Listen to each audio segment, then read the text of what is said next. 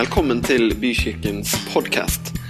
For mer informasjon om oss cvvvbykirken.no.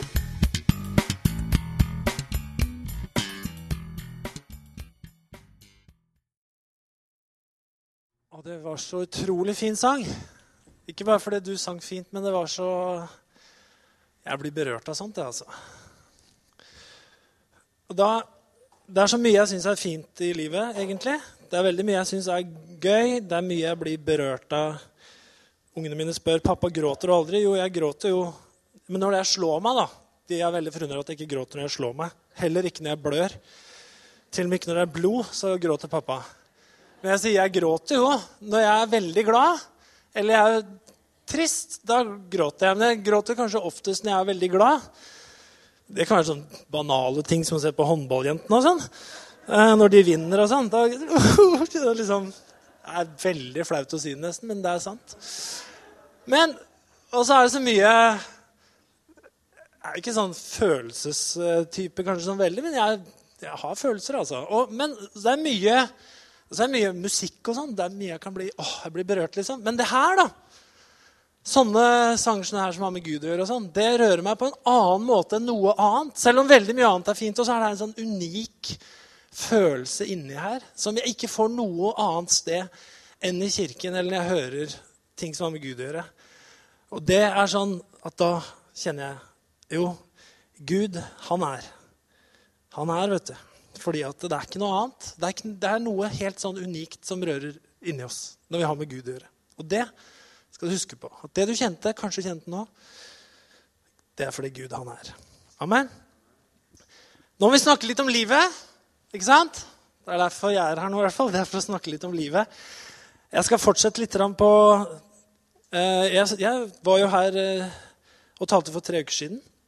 Så det er ikke så lenge siden. Så var det, det var noen som var her da? var det ikke det? Noen som var her for tre uker siden og hørte Tro gjennom alt. Hvis ikke så går det an å høre den på nettet. Per Yngve.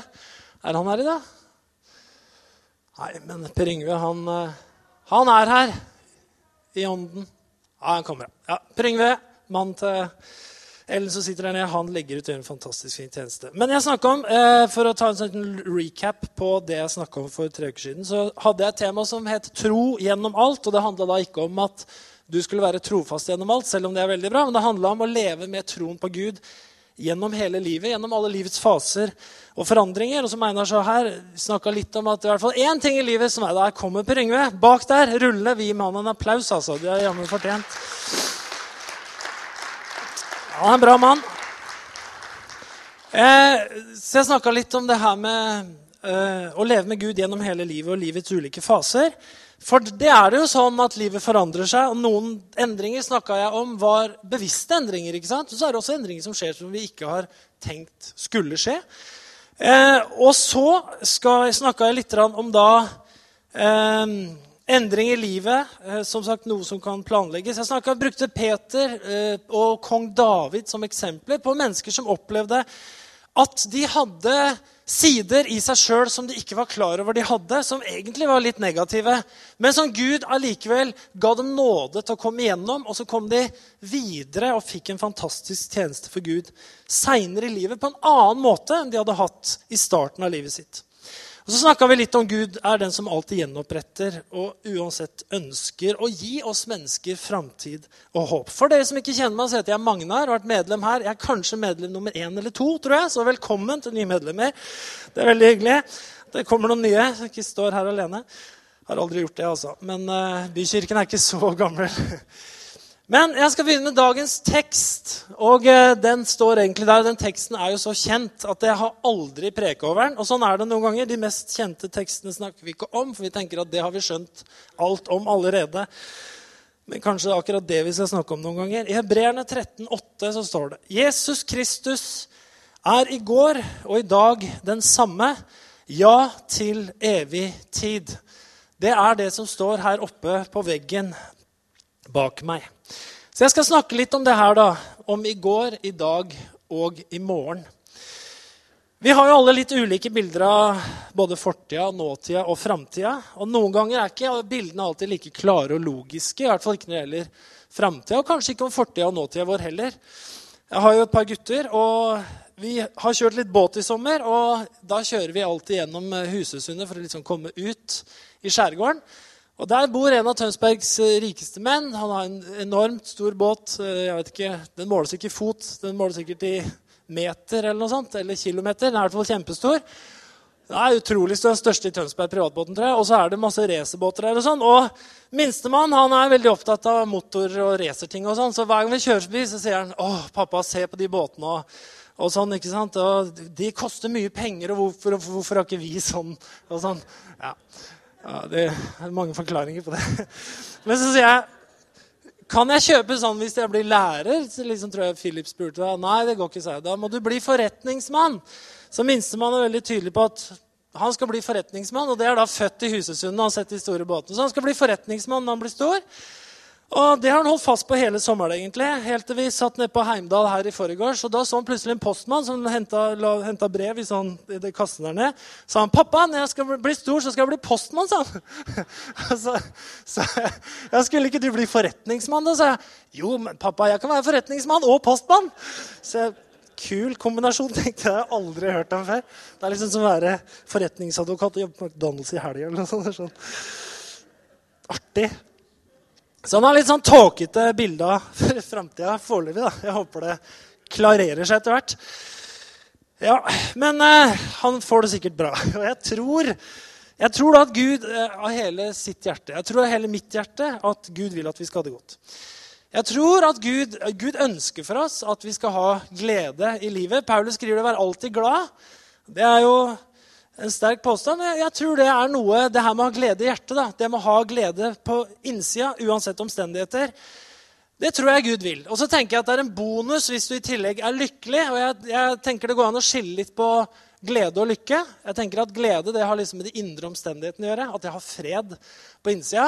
Og at jeg, Selv om ting kan være vanskelig rundt meg, og sånt, så kan jeg likevel ha en sånn fornøydhet og ha en fred på innsida som gjør at jeg har en grunnleggende glede i livet. Lykke det tenker jeg er mer sånn, litt sånn utvendig ting. Jeg ble så lykkelig fordi jeg har, jeg fikk, jeg fikk oppleve. Omstendighetene er veldig bra osv. Men jeg tror i hvert fall vi kan si at Gud øh, vil gjøre sånn, og at vi skal ha glede på innsida, ha en grunnleggende glede i livet sitt. Og så sier vi takk til bonusen som heter lykke ikke sant? i tillegg. Eh, og Jesus snakka litt om det her. Eh, I bergprekenen eh, i Matteus 5 så holdt, starter jo Jesus bergprekenen. Han starter med noe som blir kalt for saligprisningene. Hvor han remser opp en hel masse ting som skal gjøre at vi blir salige. Salige er de som sant, stifter fred osv. Salige er de som sørger. Salige er de som trøster. Salige. Og så kommer det masse sånne ting som man egentlig sier hvis du tenker sånn, hvis du gjør det, hvis du har de verdiene i livet ditt, så kommer du til å være salig. Og det er egentlig et annet ord for lykke. da, Å være lykkelig osv. Og, og det hele liksom Guds frelsesplan, alt peker jo opp imot det her at Gud ønsker at du og jeg skal ha et godt liv. At vi skal være glade, at vi skal ha en glede på innsida. Og det er på en måte utgangspunktet for all frukt vi skal bære her i livet. I livet så forholder vi oss til gårsdagen. Vi forholder oss til dagen i dag, og vi forholder oss til morgendagen. Eh, og jeg tror det er viktig for et, liksom, dette gode livet, for gleden i livet vårt, at vi har med Gud i alle de her dagene. Både de som har vært, faktisk, det jeg har lyst til å snakke litt om, de som er nå, i dag, dagen i dag, og dagen som kommer i morgen. Og nå har jo da, Teksten i dag har introdusert tema. Jeg skal snakke rett og slett om i går, jeg skal snakke om i dag, og jeg skal snakke om i morgen. Og jeg vil snakke om det. Det er mye vi kan si om det. Men ja, vi har lyst til å snakke om det da i et gudsperspektiv og i forholdet vårt til Gud, til oss sjøl og til livet som vi lever. Eh, for jeg tenker at Uten at vi kanskje alltid er sånn kjempebevisst på det hele tida, for det tror jeg ikke vi er, så er det sånn at vi, ja, bevisst eller ubevisst, så relaterer vi dagen i dag, dagen du lever akkurat i dag, den relaterer du på en eller annen måte til de dagene som du har levd. Og det spiller ingen rolle om du er 18 år eller om du er 80 år. Så er det likevel at du har en historie. Du har opplevd noen saker i livet ditt. Du har opplevd gode ting, du har opplevd dårlige ting. Du har opplevd en del mange ting som du har med deg i bagasjen din, som gjør at du lever som du gjør akkurat den dagen i dag. Ikke sant? Og hva kan det bety, det her med at vi har med oss ting? Hvordan kan, bety, hvordan kan det bety for måten jeg lever på i dag, for framtida mi osv. Og, Eh, og vi relaterer veldig ulikt, tenker jeg. F.eks. For til fortida. da, Så har du sikkert alle møtt ulike mennesker som relaterer på forskjellige måter til fortida si. Vi har sikkert alle møtt den fornøyde, ikke sant? Der fortida har vært velsigna. Det har vært så herlig. Barndommen har vært en drøm. Alt har vært trygt. ikke sant? Har vært, økonomien har vært trygg. og Har liksom ikke hatt noen særlige bekymringer. Bare noe småtteri som har vært innimellom. Men det liksom, livet har vært en festreise. Jeg angrer ingenting jeg har gjort. ikke sant? Har du hørt mennesker som sier det? Vil, hvis du kunne levd livet ditt om igjen, ville du gjort noe annerledes? Så er det noen som svarer ingenting. Ja, det er noen som svarer det. Jeg ville ikke gjort noe annerledes. Jeg, jeg er fornøyd. Det er herlig. Jeg har hørt noen sånne, og jeg syns det er fantastisk når folk sier det. Så har du den som ikke er så fornøyd. Du har folk som er mer sånn likegyldige ikke sant? av ulike grunner. som... Eh, de relaterer jo verken positivt eller negativt til fortida si. Det er liksom Ja, ja, levd er levd, spist er spist, ferdig med det. Det er nå vi lever. Få se framover. Glemme det som ligger bak. Det høres jo litt bibelsk ut òg. Eh, og liksom Ferdig med det. Det jeg bryr meg ikke om fortida. Det som har vært, det er ferdig. Jeg har lagt det bak meg. vet du. Men alltid så har ikke folk gjort det så mye som de sier. det. Men de prøver i hvert fall. Men det er ikke sikkert det er noen god måte å løse vanskelige ting i forsida på. Det å være likegyldig, det er jeg ikke sikker på i det hele tatt. Det har jeg lyst til å snakke litt om. Og så har vi kanskje møtt den siste ytterpunktet, da, den bitre. ikke sant? Så at Uansett hva du snakker om, og snakker om fortida, så kommer det alltid ut en sånn bitterhet. At det var mange ting som skulle ha vært, som ikke ble noe av. Det var en del ting jeg hadde fortjent, det var en del ting jeg hadde forventa som ikke ble noe av. Og uansett nesten hvilket tema du tar opp, så er det det som en eller annen gang kommer ut i samtalen. Jeg vet ikke om du har truffet dem. Jeg vet ikke om du er en av dem. Men det er også en måte å relatere til fortida på. Det er veldig mange forskjellige måter å relatere til fortida på. Men saken er at hvordan vi relaterer til fortida, det påvirker dagen din i dag. Og det kommer til å påvirke hvordan du lever i morgen. Og Måten du forlot gårsdagen på, den vil alltid gi deg starten på dagen i morgen. Om du forlater denne dagen med krangel og bråk, så kommer du til å våkne opp i morgen med en helt annen start på dagen. Du kommer til å ta med deg dagens avslutning inn i starten på morgendagen. Og sånn går livet. Den ene dagen er alltid en forlengelse av den forrige. Og Derfor er Gud han er litt opptatt av det her med overganger og tider. I Salme 121, vers 7-8, det er den salmen som begynner med 'Jeg løfter mine øyne opp til fjellene', hvor skal min hjelp komme fra? Så avslutter den salmen i vers 7 og 8, så skriver han noe veldig fint. Herren skal bevare deg fra alt ondt. Han skal bevare ditt liv. Herren skal bevare din utgang og din inngang fra nå og til evig tid. Og den har du kanskje sunget en sang med akkurat den teksten. Men det her er egentlig et veldig bra greie. Gud skal bevare deg fra alt ondt. Det er et løfte, et ønske Gud har. Han skal bevare ditt liv. Det er et løfte fra Gud. Og hvordan? Jo, Herren skal bevare din utgang og din inngang fra nå og til evig tid. Det handler om hva er, utgang, og hva er inngang? Ja, Utgang det er når man går ut av noe. Noe man forlater, noe som har vært. Inngang er at man går inn i noe nytt. Noe som ikke har vært. ikke sant? Det er veldig sånn enkelt, det her. da. Det er ikke akkurat rocket science, men det er det det betyr. Og det står at Gud han skal bevare deg i de her overgangene her. Gud ønsker å bevare deg i utgangen av ting og i inngangen av ting. sånn at Overganger er jo alltid viktig. ikke sant? Når man forlater noe, når man skal, gå fra én båt over en annen båt, så er det overgangen som er kritisk. Og Sånn er det med veldig mange ting i livet. Når vi slutter med noe og går inn i noe annet, så er overgangen alltid kritisk. Hvis overgangen går bra, hvis utgangen er bra, så blir inngangen også ofte veldig bra. Og Gud han ønsker at vi skal forstå det her, tror jeg. At han er litt opptatt av overgangene våre. Som f.eks. i overgangen fra en gammel dag til en ny dag. Fra en gammel relasjon til en ny relasjon. Fra en gammel jobb til en ny jobb. Fra en gammel kirke til en ny kirke. Fra en gammel livssituasjon til en ny livssituasjon. Herren ønsker å bevare deg i overgangene. Nå er det mye vi kunne snakka om vedrørende fortid, og nåtid og framtid. Men la oss ta utgangspunkt i Jesus og vår relasjon til han. Vi må snakke litt om Først har jeg lyst til å snakke litt om i går. Som jeg nettopp sa, så har mange ulik holdning til fortida si, altså i går. Noen liker å se bilder av seg selv som er 20 år gamle. Andre liker det ikke. Jeg vet ikke hvilken kategori du er i, men uh, noen er sånn at du tar fram et bilde som er 20 år gammelt, og så sier ja, få se! så kult! Den gangen jeg hadde hår, sier jeg. Og guttene sier, er det deg, pappa? Er det virkelig deg? Ikke er det briller og masse hår og lang lugg. Det er meg. Ja, de kan jo se det, da, men det er helt fantastisk.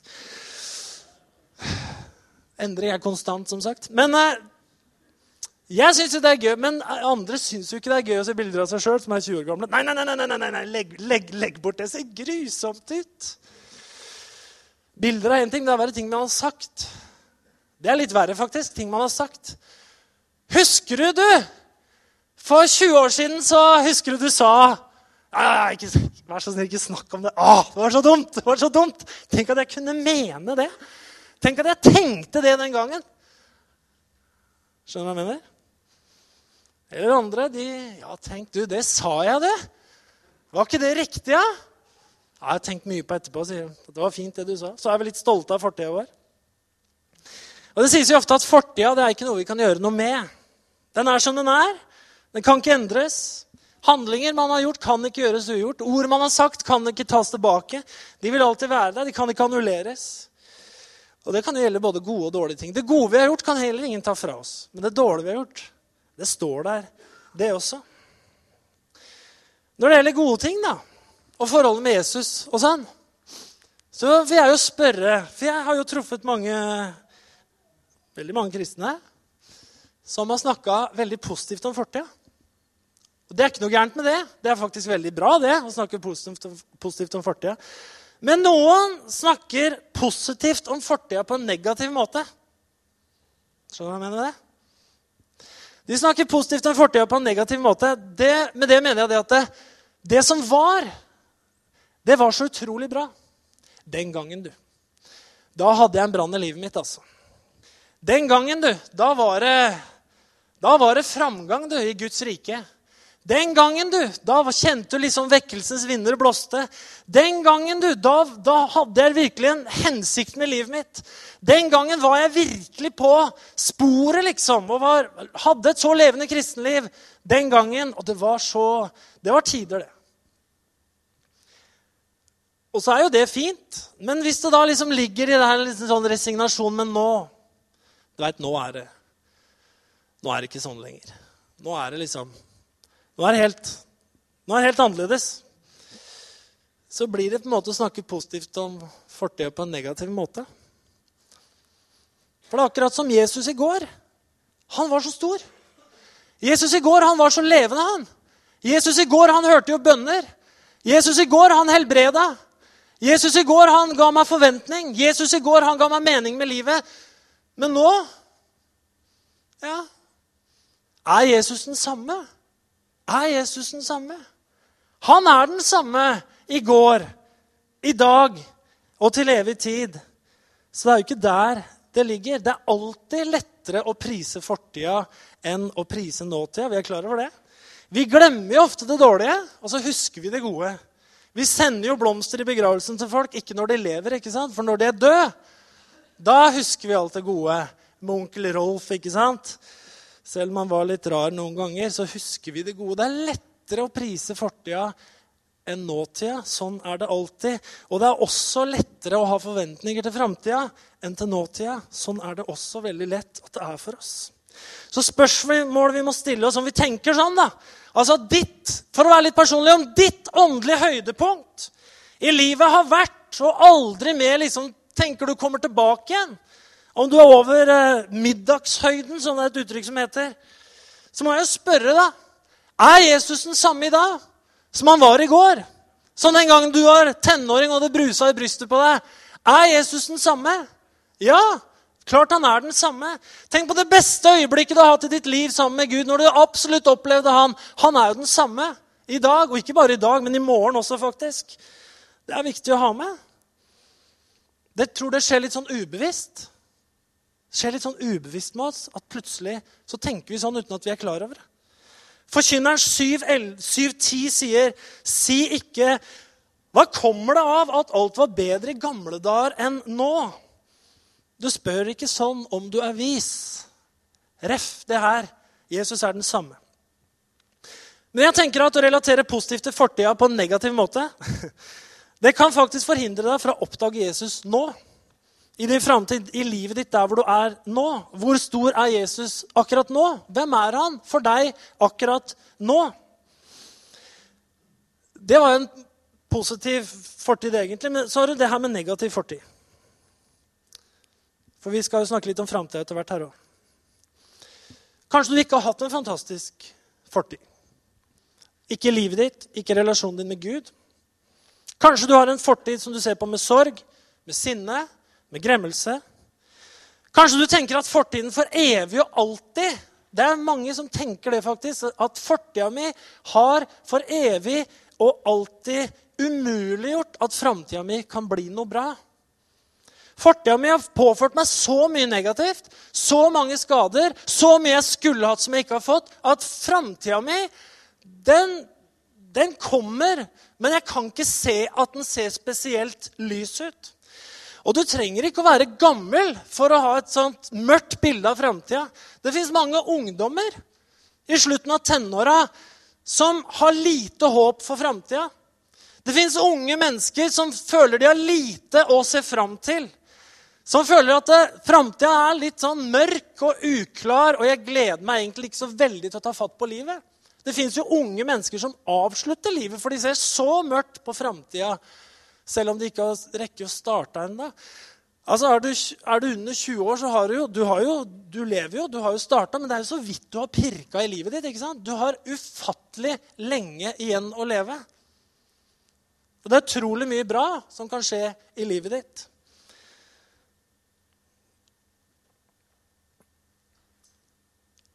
Jeg har brukt en mann som et eksempel før. Men når jeg vokste opp, var sånn Slutten av barneskolen, begynnelsen av skolen, hadde, vi en, hadde vi en mann i nabolaget som var sånn 35-40 år. Han var fyllik, han hadde vært uteligger, hadde sittet i fengsel, hadde fått seg en familie. Kona var også avhengig av alkohol. og Barna hadde nok sikkert i dag blitt tatt enda kjappere av barnevernet. og blitt tatt hånd om. Det var rot. Det var økonomisk ruin, det var fyll, spetakkel, nesten ikke noe skolegang. 35-40 år. Alt lå til rette for at framtida til denne mannen ikke skulle bli noe annet enn akkurat det han var oppi. Alt lå til rette for et gjennomført mislykka liv. Det var ingenting som tyda på at denne mannen skulle få en strålende framtid. Denne mannen som jeg snakker om, altså den alkoholiserte, mislykka fengselsfuglen, han ble allikevel begravd på statens bekostning 26.3.2004. Og før han døde, så rakk han å motta følgende priser. 1995 Livsstilsprisen. 29.9.1997 Kongens fortjenstmedalje i gull. 31.1.1999 Bibelprisen. År 2000 Den norske sølvplaten for CD-platen 'Kjærest og nærest'. 2002 Nikki Cruz ærespris. 2002 en ganske høythengende pris, Peter Dass-prisen sammen med kona si. 31.8.2003 utnevnte æresdoktor, Doctor of Divinity i Life Christian University i of Florida. I oktober 2004 så ble det planta 1000 trær i Israel i Keren Kamiet Leisrael, til ære for denne mannen. Hvem var denne mannen? Han som hadde en gjennomført mislykka fortid. Som etter at han var 40 år, mottok så mange priser for sin livsgjerning. For på et eller annet sted så må det ha skjedd et forholdsvis dramatisk vendepunkt i denne mannens liv. De fleste av dere har hørt om ham, men han bodde på Tolser. Han het Ludvig. Ludvig Carlsen han var født i 1935 og ble frelst i 1975. 40 år med dårlig fortid. Ble plutselig til en strålende framtid. Hvorfor det? Fordi han brakte Jesus inn i alle tidene i livet sitt. Ikke bare det som skulle komme, men også i det som hadde vært. Det han var, og det som skulle komme. Folk sier det at fortida ikke kan endres. Folk sier det at fortida ikke kan gjøres ugjort. Det er både sant og ikke sant. Handlingene fra fortida de kan ikke endres. Men effekten av handlingene fra fortida de kan endres. Effekten av fortidas handlinger de kan endres. Det spørs hva vi gjør med dem nå, om vi slipper til Jesus i livet vårt nå. For han kan gjøre noe med effekten av fortida vår. Peter som vi snakka om sist, kort innpå han, han banna på at han ikke kjente Jesus. Det kunne ha torpedert framtida hans i tjeneste for Gud, definitivt. Men det gjorde det ikke. Fordi han valgte å si, 'Jesus, du vet at jeg elsker deg', istedenfor å si, 'Jesus, jeg har svikta deg. Jeg har blitt bitter. Jeg forlater deg'. Paulus, som etter eget sigende gikk lenger i jødedommen enn noen andre. Han, han, altså, Paulus var, Katrin nevnte det hjemme ved middagsbordet. Hun snakka med Liva. tror jeg de hadde pratet om det her, Som hadde hørt en preken igjen som snakka om Paulus. og sammenlignet. Han var jo en religiøs fanatiker. Altså, Paulus hør nå, Paulus reiste rundt og dro kristne ut av hjemmet og sørga for å få dem drept. Altså, Det var jo steining og andre brutale metoder. Helt på linje med det som skjer i visse deler av verden nå. Med IS, hva de gjør? De jakter aktivt på kristne for å ta livet av dem, bl.a. med steining. Paulus holdt på med det. Skjønner du? Han var i den ligaen der. Han sa jeg gikk lenger enn noen av dere i min jødedom. Skulle denne drapsmannen noen gang kunne tjene Gud innenfor den kristne kirken? Han møtte Jesus. Han skjønte hva han hadde gjort. Han ba om tilgivelse og fikk det. Og han ble den som skrev to tredjedeler av Nytestamentet, og som ble den hedningekristne kirkens store apostel. Paulus kunne ikke gjøre ugjort det han hadde gjort. Han bar det med seg hele livet. Han sa det at jeg, han skriver Timoteus og skriver, det finnes ingen større synder på denne jorden enn meg. Jeg er den største synderen av alle. Jeg tror det her sto for Paulus. Jeg er sikker på at Paulus møtte familier, han møtte kjente osv. som kjente noen som han hadde vært med og tatt livet av. Det måtte han face. Men han sa, 'Gud har gitt meg nåde Gud har gitt nåde til alle syndere, og blant dem er jeg den aller aller største. Jeg tror han bærte det med seg, Men konsekvensene ble allikevel annerledes enn det kunne ha blitt, fordi Guds nåde kom inn også i fortida hans. Tilgivelse er jo en fantastisk kraft. Tenk når noe har gått feil, så kan det føre til så mye negativt. Men så kan vi bryte det med å gå inn og si og be om tilgivelse så kan hele situasjonen bli snudd til noe annet enn det det var. Noen ganger må vi be Gud om tilgivelse for ting i fortida. Noen ganger må vi be andre om tilgivelse for ting i fortida. Noen ganger må vi tilgi oss sjøl for ting i fortida. Og noen ganger trenger vi faktisk å bli tilgitt for noe som har skjedd i fortida. Det var i går. I dag. Dagen i dag. Akkurat i dag jeg skal ha en liten sånn break. Ikke commercial break, men en liten uh, music break. Jeg skal høre en sang som er sunget av en som heter Marit Larsen. Det er Erik Bye som har skrevet denne sangen her. Eh, Erik Bye han var en rar fyr. Det er en veldig fin film om han. Eh, når han var gammel. Eh, Kjempen, var den het. Giganten var det. var noe i den gata. Giganten. Den burde du se, forresten, hvis du ikke har sett den. Han, Erik Bye han, eh, han, han sto på de svake sider veldig mange ganger i samfunnet. De som hadde det vanskelig, de som var langt nede, osv. Han løfta dem opp. Engasjerte seg veldig for dem. Og så skrev han en sang som het 'Vår beste dag', som er kjempefin som han synger på en fin måte. Men jeg syns Marit Larsen synger kjempefint også. Men 'Vår beste dag' den skrev han til en spesiell gruppe mennesker. Han skrev den til et døveorkester.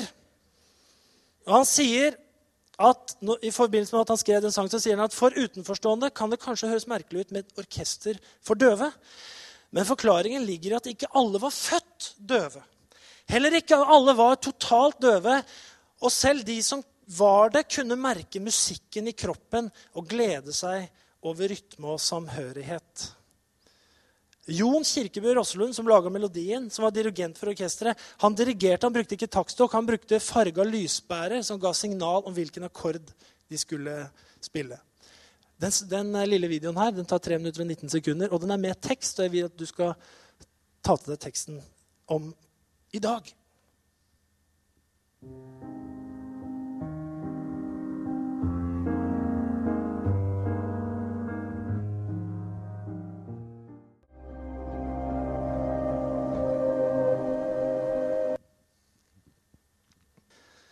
Dagen i dag, den kan bli din beste dag. Den skal bli vår beste dag. Og da skal dagen i morgen også bli vår beste dag. Han skriver 'lytt til', skriver han i teksten. Og han skrev det til døveorkester. Og det syns jeg er litt kult. altså. Hele tida sier han 'lytt til', 'lytt til', 'lytt til'. De var handikappa. De mangla noe som de egentlig skulle hatt. Hørsel. Allikevel så våger han å si 'lytt til'. Og vet du hva? Sånn er det noen ganger. Vi tenker kanskje at vi mangler noe. Og så blir vi bedt om å gjøre akkurat det vi mangler. Og så går det allikevel. Det gikk allikevel for døveorkesteret. Hva er det som kan plage oss med denne dagen? da? Hva er det som kan ødelegge denne dagen? Det er sånne ting som den dårlige samvittigheten. Det uoppgjorte, det vi skulle ha gjort, som vi ikke har gjort. Ting vi angrer, ting som er ugjort. En dårlig samvittighet kan ødelegge dagen. Eller er det bekymringen? Hvordan skal ting bli? Framtida? Alt galt som kan skje? Alt vi håper på, som kanskje ikke vil komme? Alt vi ser liksom, på livet som sånn dystopi? Om at livet liksom er mørkt framover? At drømmen har gått litt tapt? At framtida ikke lenger er lys? At vi er bekymra? Det kan ødelegge dagen. Eller er det prestasjonsangst? Det er mye av ikke det? i vårt samfunn. Prestasjonsangst, prestisje. For om vi hadde såkalt suksess i fortida, så blir vi jo litt redd for at vi ikke skal ha like mye suksess i framtida. Og om vi har mislykkes i fortida, såkalt mislykkes, så blir vi jo redd for at vi skal fortsette å mislykkes i framtida.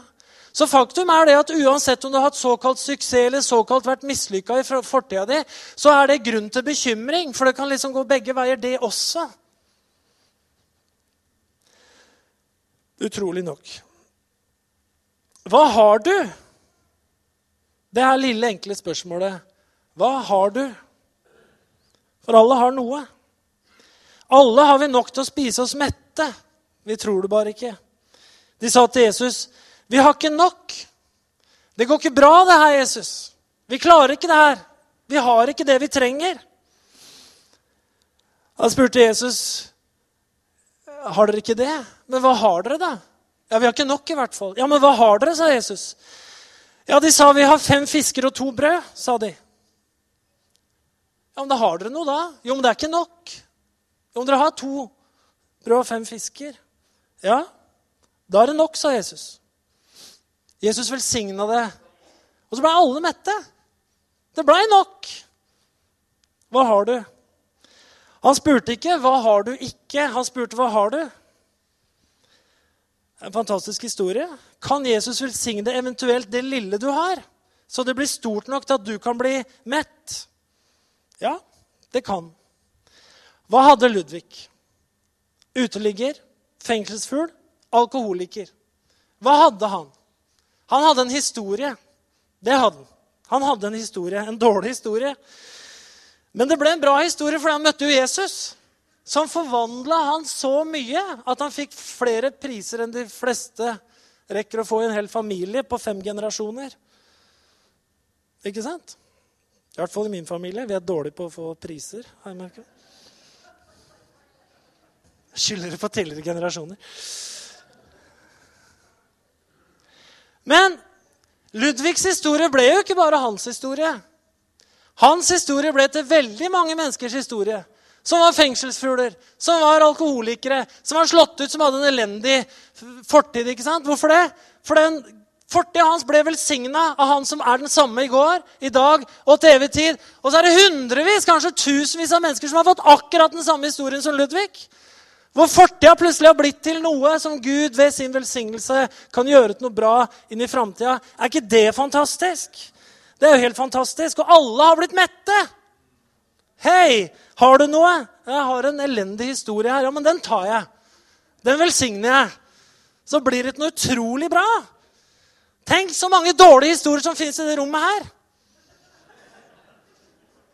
Og mange av oss vi veit jo ikke om de dårlige historiene til hverandre, for det er ikke det vi pleier å vitne om. Ikke sant?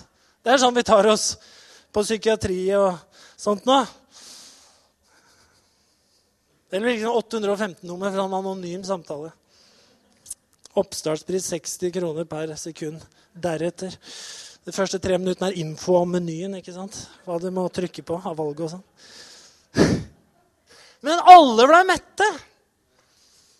Og de elendige historiene det er ikke noe grunn til at ikke framtida skal bli bra. vet du. Det kan bli helt strålende, det. Med Guds velsignelse så kan vi jo si som Erik By dagen i dag det skal bli din beste dag. Søk først Guds rike, sa Jesus i Matteus 6, 33-34, og hans rettferdighet skal du få alt andre i tillegg. Gjør dere ikke bekymringer, bekymringer for morgendagen, for morgendagen den skal bekymre seg for seg selv. Hver dag har nok med sin egen plage. Så spørsmålet er hvis han er den samme, er han hos deg i dag? Er han den samme som han var i går? Han som du kanskje opplevde velsigna deg i går? Er han den samme i morgen? Ja, han er den samme i morgen. Men er han den samme for deg i dag? I morgen Jeg må avslutte nå, men jeg snakker litt kort om i morgen. Det sies at morgendagen at ingen kjenner den. Og det er selvfølgelig helt riktig. Vi kjenner jo ikke morgendagen. Skulle ønske vi gjorde det. Back to the future, ikke sant? Men vi kjenner ikke morgendagen. Allikevel så er det sånn at det vi gjorde og tenkte i går, det påvirker morgendagen. Det legger grunnlaget for morgendagen. Noen sa det sånn at livet vi lever i morgen, det hviler på et hierarki av tidligere holdninger, handlinger og omstendigheter. Ting som har skjedd før, legger altså visse premisser for hvordan morgendagen din ser ut. ikke sant? Det gjør den. Vi kan kalle det et grunnlag for morgendagen. Det er det grunnlaget vi holder på med når vi har barn. Vi prøver jo å forberede dem for morgendagen. Vi tenker jo det at Når vi oppdrar ungene våre og er med ungene våre, så skal vi gi dem et grunnlag de kan stå på sånn at morgendagen kan bli best mulig for dem. ikke sant? Vi tenker jo det. Og da har vi gjerne disse ordene som gjerne blir brukt i konfirmasjonstaler og bryllupstaler. Ja, du har jo fått en god ballast med deg hjemmefra. Det ordet hører jeg bare i sånne taler. Ballast. Det er så sjelden jeg hører ellers. Men eh, vi ønsker å gi dem sånt som kjærlighet, fordi at kjærlighet er bedre enn ukjærlighet og hat. Vi ønsker å gi dem helse, fordi helse er bedre enn sykdom. Vi ønsker å gi dem mestring, fordi at det er bedre å kjenne mestringen og oppleve at man feiler. Vi ønsker å gi dem trygghet, fordi at trygghet er bedre enn utrygghet. Vi ønsker å gi dem ryggrad, for det er bedre enn å være liksom uten ryggrad, metaforisk sett. ikke sant? Vi ønsker å gi dem troen på Gud, for det er til velsignelse og bedre enn å ikke tro på Gud. Det vil vi nå påstå. Og hvorfor gjør vi det? Jo, fordi at sjansen for å få en bedre morgendag den øker jo. Det er ingen garanti, men den øker jo når vi gir folk et grunnlag i dag som de kan leve på i morgen. For livet er mye tilfeldig, men ikke alt er tilfeldig. Vi kan ikke styre hva vi opplever, vi kan styre mye av hvordan vi reagerer på ting vi opplever. ikke sant? Det kan vi gjøre. Sånn er det med det kristne livet også. Det jeg avslutter denne dagen med, det vil være plattforma jeg står på når morgendagen kommer. Jeg har møtt mange kristne, og noen ganger også meg sjøl, i det her med at Jesus også er stor i morgen. For i morgen er det håp. I morgen kommer vekkelsen. I morgen skal kirkene vokse, for i morgen skal alle bli frelst. Og i morgen skal jeg bli glad igjen og lykkelig. Og i morgen så skal jeg nok komme på plass med både det ene og det andre. Både i forhold til livet mitt, relasjonene mine, gudsforholdet mitt, hva jeg dedikerte osv. I morgen skal det skje. I morgen skal jeg henvende meg på Gud, og ting er på vei. Ting er på gang, og snart kommer regnet. I morgen skal jeg ta beslutningene jeg burde tatt i går, som jeg ikke tar i dag. Men i morgen, da håper jeg at det skjer. Men Jesus sier at vi må bygge huset i dag på en solid grunnvoll. ikke sant? For i morgen så kan det komme stormer. Og Derfor er det noe med måten vi lever på i dag. Det bestemmer morgendagen dagen i går. Jeg skal avslutte nå. Du kan ikke gjøre den om igjen. Du kan gjøre noe med hvilken effekt dagen i går har på dagen i dag og framtida di. Dagen i dag du har noe. Du har noe. Du har nok til å bli mett. Du har nok til å bli mett om de gir det til Herren. Dagen i morgen, du kjenner ikke den. Men den vil bli prega av utgangen på denne dagen. Og I dag er den første dagen i resten av ditt liv. Det har du sikkert hørt før. Og Det blir litt sånn klisjéaktig, men det er jo veldig sant. I dag er den første dagen på resten av ditt liv. Hva skal du gjøre med fortida di? Hva skal du gjøre med dagen din i dag? Hva skal du gjøre med morgendagen din? Er Jesus med deg i alle fasene?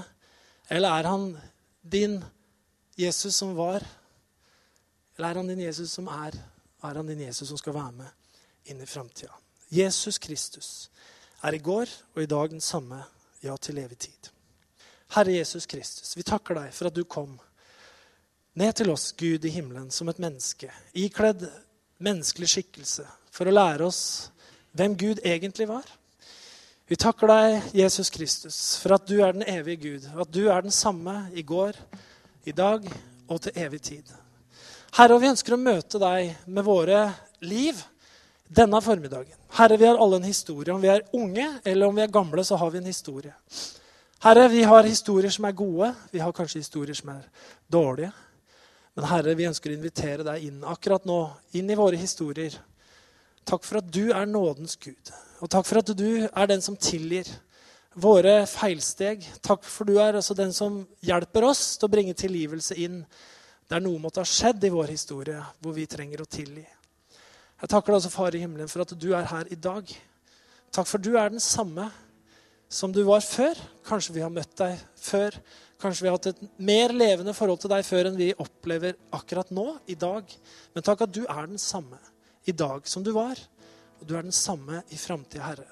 Takk at hos deg er det ingen forandring eller skiftende skygge.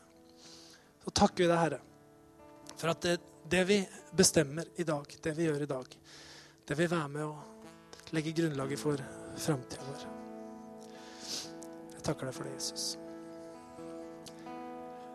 Jeg skal avslutte nå, men bare Vi har tid til liksom et par minutter, og så kan vi mens de spiller litt her, Julia, så kan vi bare tenke litt på hvor er jeg akkurat i dag?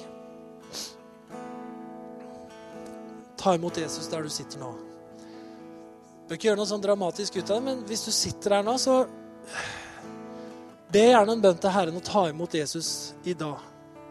Hvis du har en sånn ubevisst tanke om at eh, nei, jeg er nok liksom Det beste er nok forbi, så ikke tenk sånn. Tenk at Jesus er den samme i dag som han var i går. Og så ber vi, Herre, for de som måtte ha negative tanker om framtida, at du skal løfte blikket vårt akkurat nå. Takk for at vi har noe i livet vårt. Og takk for at det lille, om det er lite, så er det nok når vi gir det til deg, til at du kan velsigne det, og så blir det bra. Herre Jesus Kristus, jeg priser deg. Den største beslutningen man kan ta i livet, det er å ta imot Jesus, og ikke utsette det. Hvis du tror og kjenner jeg, jeg har lyst til å få en relasjon med han som kan velsigne fortida mi og framtida mi. Hvis du er her som ikke har det liksom avklart for deg selv at jeg, jeg har tatt imot troen på Jesus. Jeg ønsker å bekjenne meg som en kristen. Om du ikke har gjort det før, så vil jeg gi deg en mulighet til det. Og gjøre akkurat det nå. I dag kan du gjøre det. I dag er frelsens dag. I dag er dagen hvor du kan liksom brette om til en ny side i livet ditt. Så hvis vi har øynene lukka bare bitte lite grann, så vil jeg spørre om du er her og ønsker å gi det til kjenne, så kan du rekke hånda di opp helt kort, så skal jeg bare be en bønn for deg.